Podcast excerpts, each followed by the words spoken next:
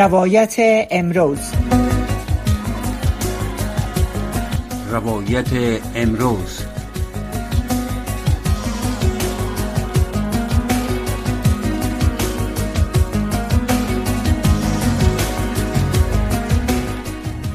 سلام شنوندگان عزیز.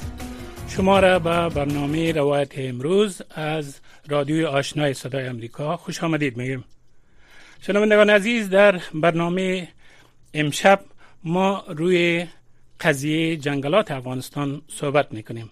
جنگلات افغانستان یکی از منابع طبیعی سرشار کشور است که متاسفانه در طول چل سال گذشته و قبل از او مورد یک سلسله حجوم ها و صدمات شدید واقع شده و امروز قسمت های عظیمی از کشور که قبلا پوشیده از جنگلات بود. امروز برهنه و همچنان این مشکلات و این صدمات هنوز ادامه داره. خصوصا در ماه زمستان که جنگلات به منظور تهیه چوب سوخت برای گرم کردن خانه ها و سایر ضروریات به مقدار زیاد ختم میشه و یک نگرانی عمومی را باعث میشه که ممکن اگر وضع به می منوال ادامه پیدا کنه ممکن در آینده نچندان دور افغانستان یک کشوری خواد بود که دیگر جنگلات دو باقی نخواهد ماند. برای بحث روی موضوع و ای که چطور می‌تونیم تا اندازه این مشکل از طریق برنامه ها پروگرام ها و همچنان پالیسی های خاص این موضوع را مورد بررسی قرار بدیم و در آینده کشور صاحب یک جنگلات که امروز است صاحب از باقی بمانه ما با میمان گرامی خود جناب غلام محمد ملکیار معاون سابق اداره حفاظت محیط زیست افغانستان در برنامه صحبت می‌کنیم.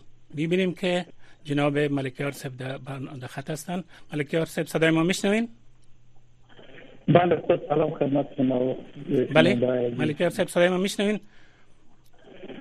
بله استاد من صدای شما رو میشنوم. بله شما یک هستن اونا در بله ملکیار صاحب صدای ما میشنوین؟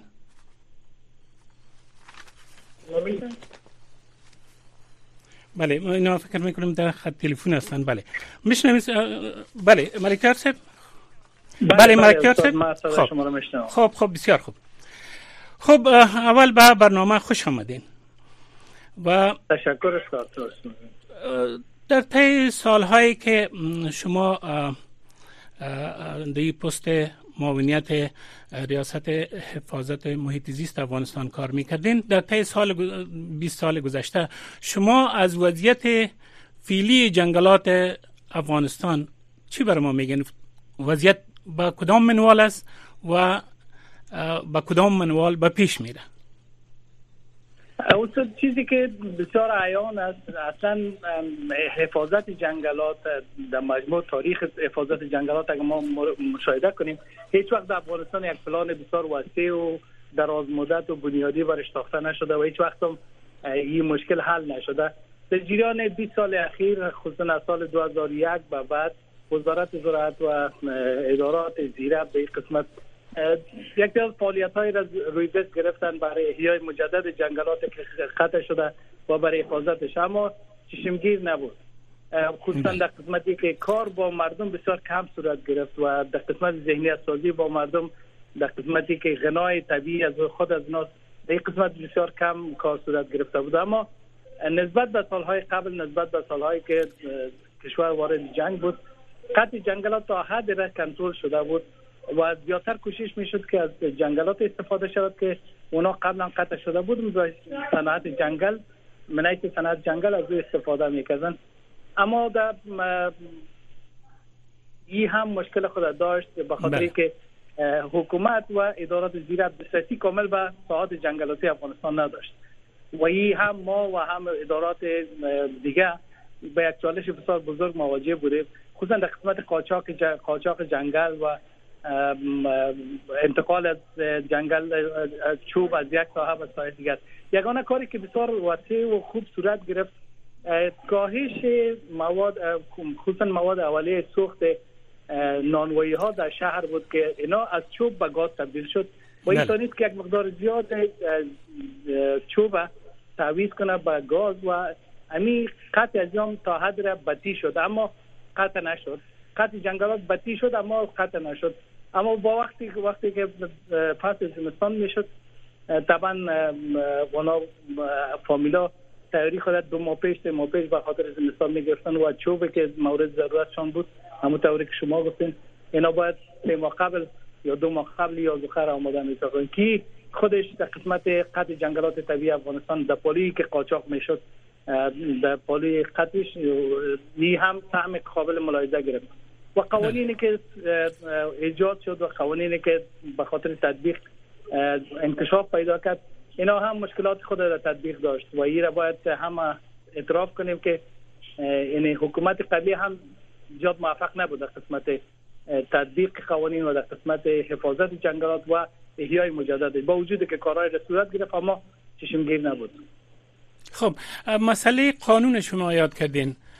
اولی که نظر به قانون اساسی افغانستان تمام منابع طبیعی افغانستان به شمول جنگلات و معادن و دیگر ثروت ها همه از ملت است. بله است اه، که همه کاملا. ثروت ها به ملت تعلق داره. دومی که استفاده جنگلات تا کدام اندازه قانونی است؟ یعنی مردمی که در اطراف و نواحی جنگلات زندگی می‌کنن آیا اونا تا کدام حد می‌تونن که جنگلات به نفع یا برای کارآمد روزمره خود از استفاده کنند؟ تا این تا کدام اندازه روشن است در قانون؟ قوانینی که ما داریم در اونجا قطع جنگل در مجموع و مسئولیت حکومت است که قطع انتخابی می باشد و این نه قطع قطع اکثره این در قانون قطع جنگلات به شکل غیر قانونیش کاملا ممنوع است و این غیر قانونی است. اما به خاطری که مردم هم بتونه از یک قسمت را به خاطر اما معیشت خود از او استفاده کنه. قوانین قانون جنگلات ایجاد انجمنهای جنگلات در ساحات جنگلاتی و در ساحات که جنگلات طبیعی وجود داره این را انجمنها ایجاد می‌شد و این انجمنها ایجاد هم شده بود. و انجمنها باز ارزیابی می‌کردن که چقدر ضرورت است و از کدام نوع درخت باید استفاده و کدام نوع درخت ها خصوصا درخت هایی که از طریق بادخشک می باشه درخت هایی که افتاده باشد اونا می‌تونستن که از او استفاده کنم صرف مو بخشایی که مورد نیازشان است. و این انجمن جنگلات می‌تونست که بین خود خود بین مردم این را تصویب کنن که کدام نوع جنگل باید صورت بگیره در کدام منطقه و کدام یعنی از کدام نوعش. بله. و این چیز هم قانونا قطع جنگلات و از بین بردن جنگلات کاملا ممنوع و کسی با شکل غیر قانونی نمی‌تونه که استفاده کنه. خب در گذشته یک زمان یک پروژه وسیع آلمان ها در افغانستان بود در پکتیا که انکشاف پکتیا بود که در جنگل های منهیر اونجا به صورت فنی استفاده فنی از جنگلات صورت می گرفت در عین حال تنظیم جنگلات هم رخ می‌داد. آیا در اه، 20 سال گذشته اقدام برای احیای اون نوع پروژه ها صورت نگرفت تا از یک طرف از این جنگلات در پالوی ازی که مفادای دیگه برای جامعه داره به شکل درست و فنیش استفاده درست و معقول از چوب صورت بگیره برای اینکه برای furniture برای دیگه ضروریات البته برای ساختمانی و دیگه ضروریات همچنان میوه جنگلات بهترین بهترین منبع است آیا این اقدام صورت نگرفت که management یا تنظیم جنگلات که نمونهش در گذشته موجود بود باز هم در افغانستان احیا شد؟ این صنعت جنگل شما گفتن قبلا وجود داشت یعنی یکی از پروگرام های بسیار وسیع و بنیادی برای حفاظت جنگل همین استفاده از پروسه صنعت جنگل است. در این سالهای اخیر هم بعضی متشبثین خصوصی را در این قسمت اینا جواز داده بودند. اما بدبختی بود که این به شکل بسیار پراگنده صورت گرفت. خصوصا جنگلات تجارتی و صنعتی اف- افغانستان خود جنگلات کنر یک از جنگلات از جمله جنگلات نرم صنعتی است که بسیار قابل استفاده وسیع دارد در سطح دنیا. به این جهت تو کنترل بسیار مستقیم و بسیار خوب بالای صنعت جنگل نداشت. یعنی دولت خودش نمی‌تونید که بسیار کنترل داشته باشه یا خودش پروسه این ابتکار به کار برده.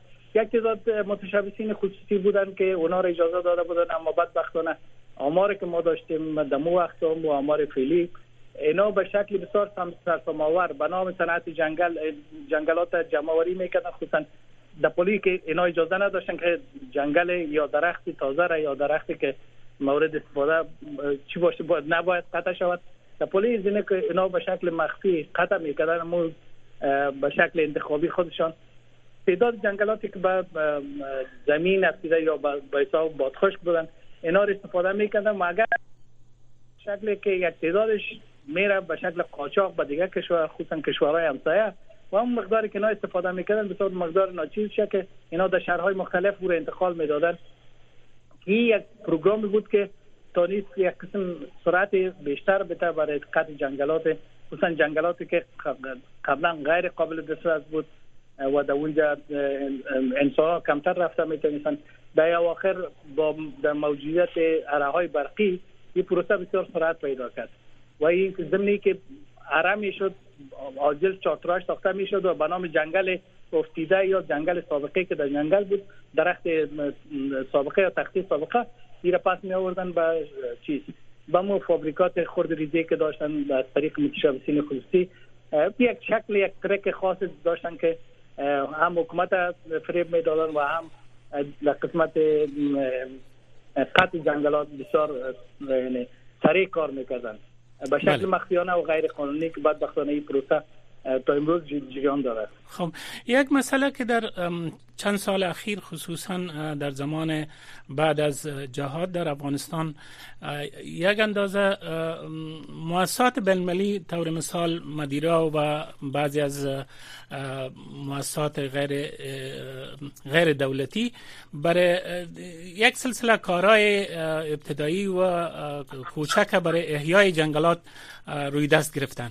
ای او مؤسساتی که دی راستا کار می‌کردن آیا هنوز هم مصروف کارا هستند مثلا مدیرا در گذشته در جنگلات کنر برای احیایش کار می‌کرد.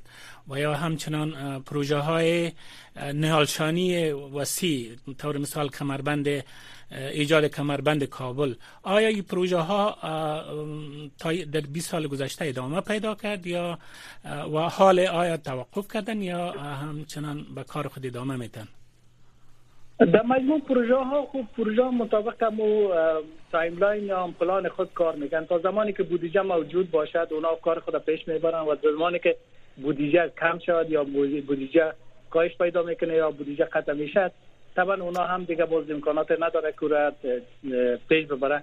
یکی خوب مشکلی است که همین غربت فقر همگانی تمام پروسه ها را تقریبا نه تنها حفاظت جنگلات بلکه تمام پروسه ها را تیز و ساخته یا کاملا با مشکل مواجه ساخته. یک موضوع. موضوع دیگه که اکثریت مؤسسات که کار می‌کنن برای احیای مجدد جنگلات خصوصا در قسمت های قابل دسترس کار می‌کنن ده. اما به خاطر حفاظت بسیار کم کار صورت گرفته. نه مؤسساتی کار کرده و و نه هم حکومت به خاطر حفاظتش تانسته که کدام پلان متجامع داشته باشد. و که تا زمانی که مردم خصوصا در اطراف جنگلات طبیعی تا زمانی که مردم مشکلاتش مرفوع نشد این پروسه را هیچ کس نمی‌تونه که توقف بده. و مؤسساتم که در بخش کار می‌کنه تا زمان خوب است که مردم در کار میفته و از او استفاده می‌کنه. اما زمانی که کار پروژه ختم میشه یعنی کمتر کار صورت گرفته با مردم که مردم خودش بتونه بانی از کار شد یعنی به شکل دوامدار یا متداوم یا سستینبل کار صورت نگرفته. اینمی یک مشکل دیگه بود. باید یک یک مثال خوب هم است که مردم خودشان بانی حفاظت جنگلات خود شدن اما در اکثر مواقع امی با حساب دشمنی های شخصی یا ای که برخوردهای شخصی سلیقه های شخصی حتی باعث شده تا یک قسمت جنگلات آتش بگیره. آتش سوزی های قصدی و آتش سوزی طبیعی در جنگلات ما چندین بار صورت گرفته. خصوصا سه سال پیش یکی از آتش سوزی که قسمت بیشتر جنگلات کنار از از از, از, از بین بود تا زمانی که باران شد و جریان داشت این ما بله. هیچ نوع امکانات در قسمت از بین بودن آتش یا قسمت بله.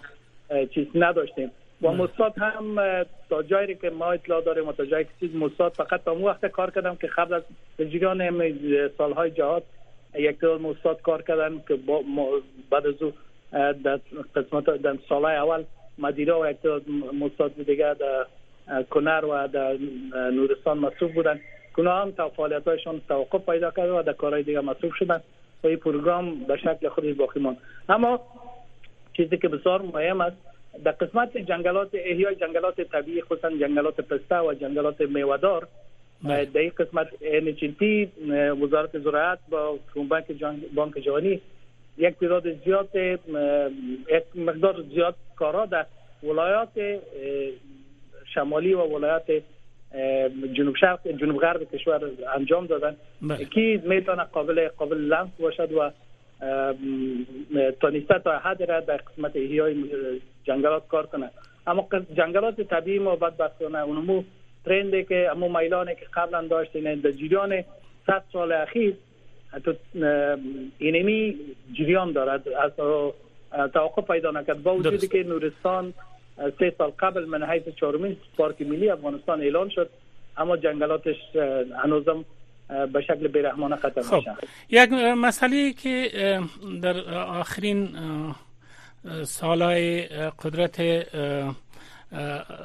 اشرف غنی او مورد بحث قرار گرفت تا اندازه روی زو کار شد مسئله استفاده جنگلات پکتیا و مناطق خوست به منظور استحصال جلغوزه بود. و مسئله جلغوزه را تا اندازه مسئله بالا گرفت که یک تعداد مردم حاضر شدن که برای پروسس از او سرمایه گذاری کنند در افغانستان. و قیمت جلغوزه هم طوری که دیده میشه از 1800 تا به دو نیم هزار افغانی بلند رفت. آیا امی که مردم می‌بینن که چقدر یک محصول با ارزش است در کل دنیا و مورد پسند است آیا این خود نمی‌تونه که مردم بسیج کنند تا اونا خودشان در قسمت هم حفاظتش و هم در قسمت استفاده تنها از میوجاتش جلغوزه که از ایره تشویق کنند و به این ترتیب هم جنگلات حفاظت شود و هم محصول به وجود که تجارت بیلانس تجارت افغانستان هم بهبود ببخشه. این مسئله جلغوزه تا کدام اندازه مهم بود و تا کدام اندازه دی ارتباط کار صورت گرفت. کاملا دقیق است استاد خود جنگل در جنگل. یعنی تجارت یا صنعت صورت یک صنعت جنگل است که از اون می‌تونی می‌تونن یعنی از قسمت نجاری و مبل استفاده می‌کنه و دیگه میوه جنگل است. جنگلات میوه دارد در قسمت جلغوزه هم پروگرام بسیار جالب و خوب بود در قانون جنگل هم این پیش بینی شده. اما چیزی که بعض اوقات می‌تونه که ضربه بسیار مهلک وارد کنه در این قسمت تنظیم و انتجام بهتر از این و شکل هماهنگ با مردم است. در قسمت تجارت جلغوزه گرچه یک موضوع کمپاینی بود اما تا حد رتانیست که این تجارت جهانی بسازه یا منطقوی بسازه. اما که با یک تعداد سرمایه گذارا هم در قسمت سرمایه گذاری کرد اما با مردم کار کمتر صورت گرفته بود. حتی بسیاری وقتا همین مناقشات اجتماعی بار آوردن در جنگلات خصوصا جنگ سایه جنگلات شما بهتر می‌فهمید. بار آمدن مناقشات اجتماعی بین مردم خصوصا در قسمت جمعوری و در قسمت پروسس از یکی از بحرانی ترین کار است که تا می‌تونه امنیت منطقه را خراب بسازه. بدبختانه ما شاهد بعضی از مناقشات بسیار خراب در این قسمت بودیم که قسمت هایی که جمعوری جنگلات به خاطر چون مفیدیت مفاد اقتصادی داره اکثریت مردم کوشش می‌کنه که یک مقدار زیادتر در اونجا دخیل باشد. خصوصا بزرگای قوم در, در قسمت ازی که هر کس باید برای خود یک چیز ساخته باشه. یعنی می خودش یک مناقشه بسیار خراب و بار آورد و بار میارد یک یک یک مکانیزم های بسیار بد در قسمت حفاظت جنگلات است که مردم خود بله. خودش بانی نساختن یک تعداد محدود خواستن که ایره به شکل انحصاری همون یک تجارت که دولت یک قسمت سبسایدی هم داده بود. بکنن که تا حد را خوب در قسمت یکی از اقلام تجارتی یعنی شامل شد. اما در پولیش مناقشات مناقشات اجتماعی را نسبت عدم هماهنگی درست و نسبت پایین بودن ذهنیت مردم در قسمت بار آورد و بله. شاهد بعض مناقشات بسیار خراب هم بودیم در خب. حال فعلا در حال حاضر طالبان بر افغانستان حاکم هستند. و نسبت به گذشته طوری که ادعا شده در بسیاری از مناطق جنگ فعال وجود نداره در مناطق جنگلی و از طرف دیگه در در حکومت گذشته مشکلات بود و فساد هم با دست یکی کرده با معضلات عظیم اجتماعی و اقتصادی را بار آورد. حالا که تا اندازه وضع فرق کرده میایم روی ازی که باید چی انجام بیافته حالا اه، ما هم مشکلات صحبت کردیم و فهمیدیم که مشکلات از کدام طریق است. شما اگر جزوار برای بهبود وضع جنگلات استفاده از جنگلات استفاده متداوم و سستینبل که میگن از جنگلات شما چه نوع تجاویزی را پیش می‌کنین با تجربه که شما از سالهای کاری خود در اداره محیط زیست افغانستان کسب کردین؟ یک چیزی که بعد وقتانه باید بگویم که در قسمت کنترل قاچاق و قطع جنگل هیچ حکومت.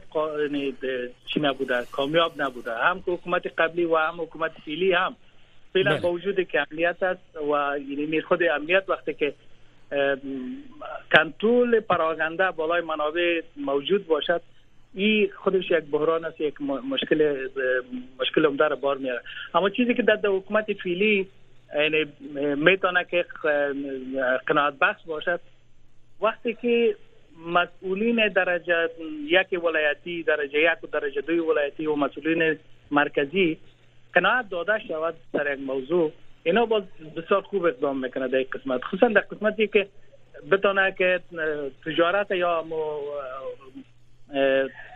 ترانسپورت جنگلات از ساحه جنگلاتی.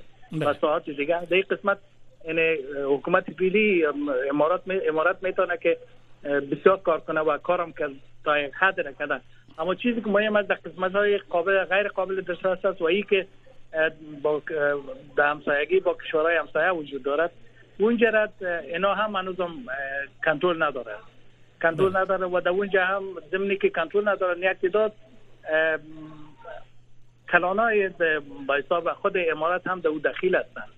که حد را جلوش گرفتن بسیار مشکل است در پولیش چیزی که بسیار مهم است تا زمانی که فقر در اکثر ساعات کشور و غربت از بین نرود یا کاهش پیدا نکنه خصوصا در فصول سرد بسیار مشکل است که کنترل شود و حتی ناممکن است. حتی اگر حتی اگر غربت هم رفع شود حرس انسانی و حرس کسایی که بسیار حریص هستند این مشکل با خود دائم خواهد داشت. خب این حال از لحاظ از که از لحاظ احیای جنگلات چی در این زمان می‌تونه که تا اندازه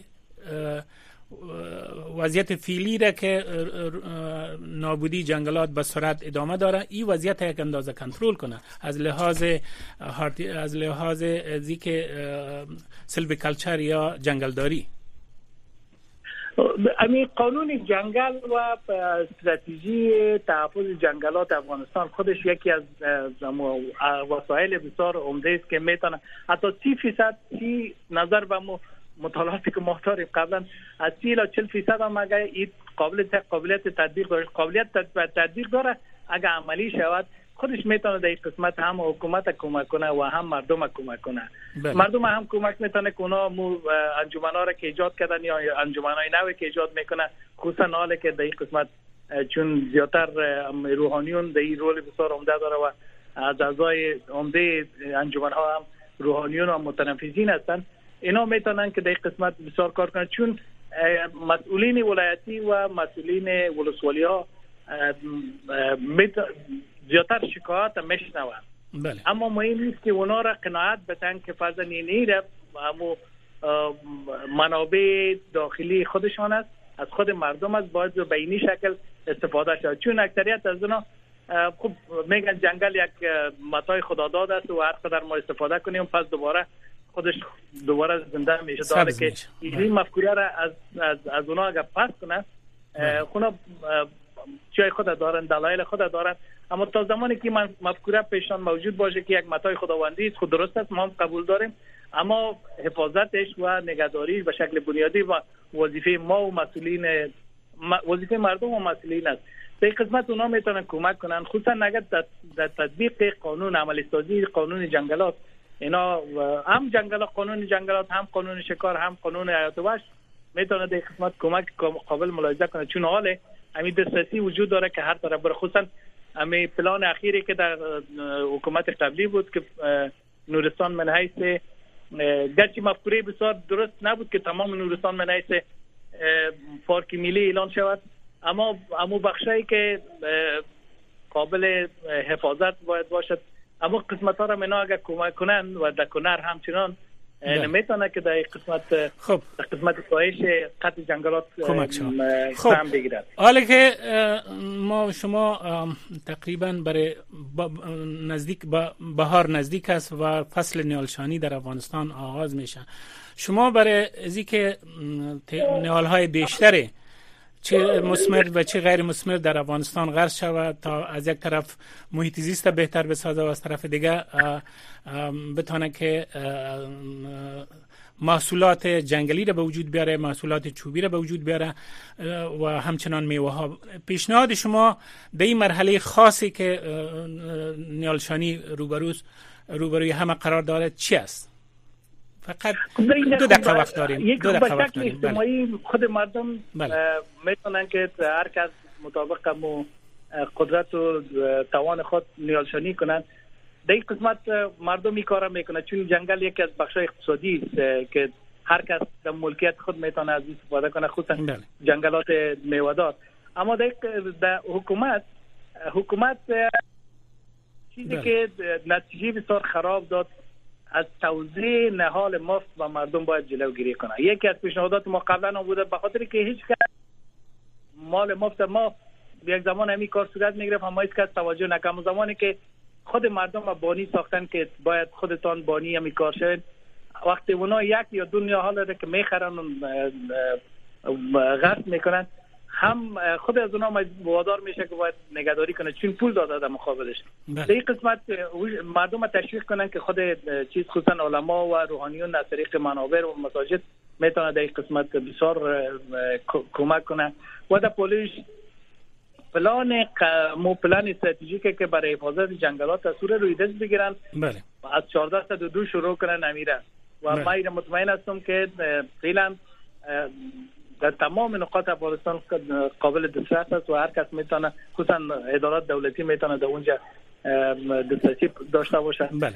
و مردم در مو ساعت می‌تونه تشویق کنه که منابع خود خودشان نگاه کنه خب، و تشکر. بانی حفاظتشان باشه فکر می‌کنیم که آخرین لحظات ای برنامه است و ما برنامه در تقریبا بعد از یک دقیقه ختم میشه. ما هم صحبت خود در اینجا به پایان میرسانیم با امید از که در قسمت اعاده جنگل و همچنان سرسبزی افغانستان اقدامات لازمی در آینده صورت بگیره. از از اشتراک شما جناب ملکیار صاحب در برنامه خیلی ها تشکر و از همچنان از میمانان از شنوندگان عزیز که تا این لحظه با ما بودن. شبتان بخیر و روزتان خوش. خداحافظ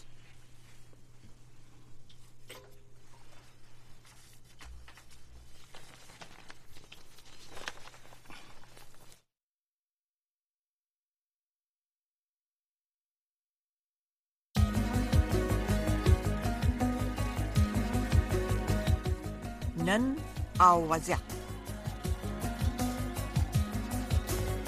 من أوزيات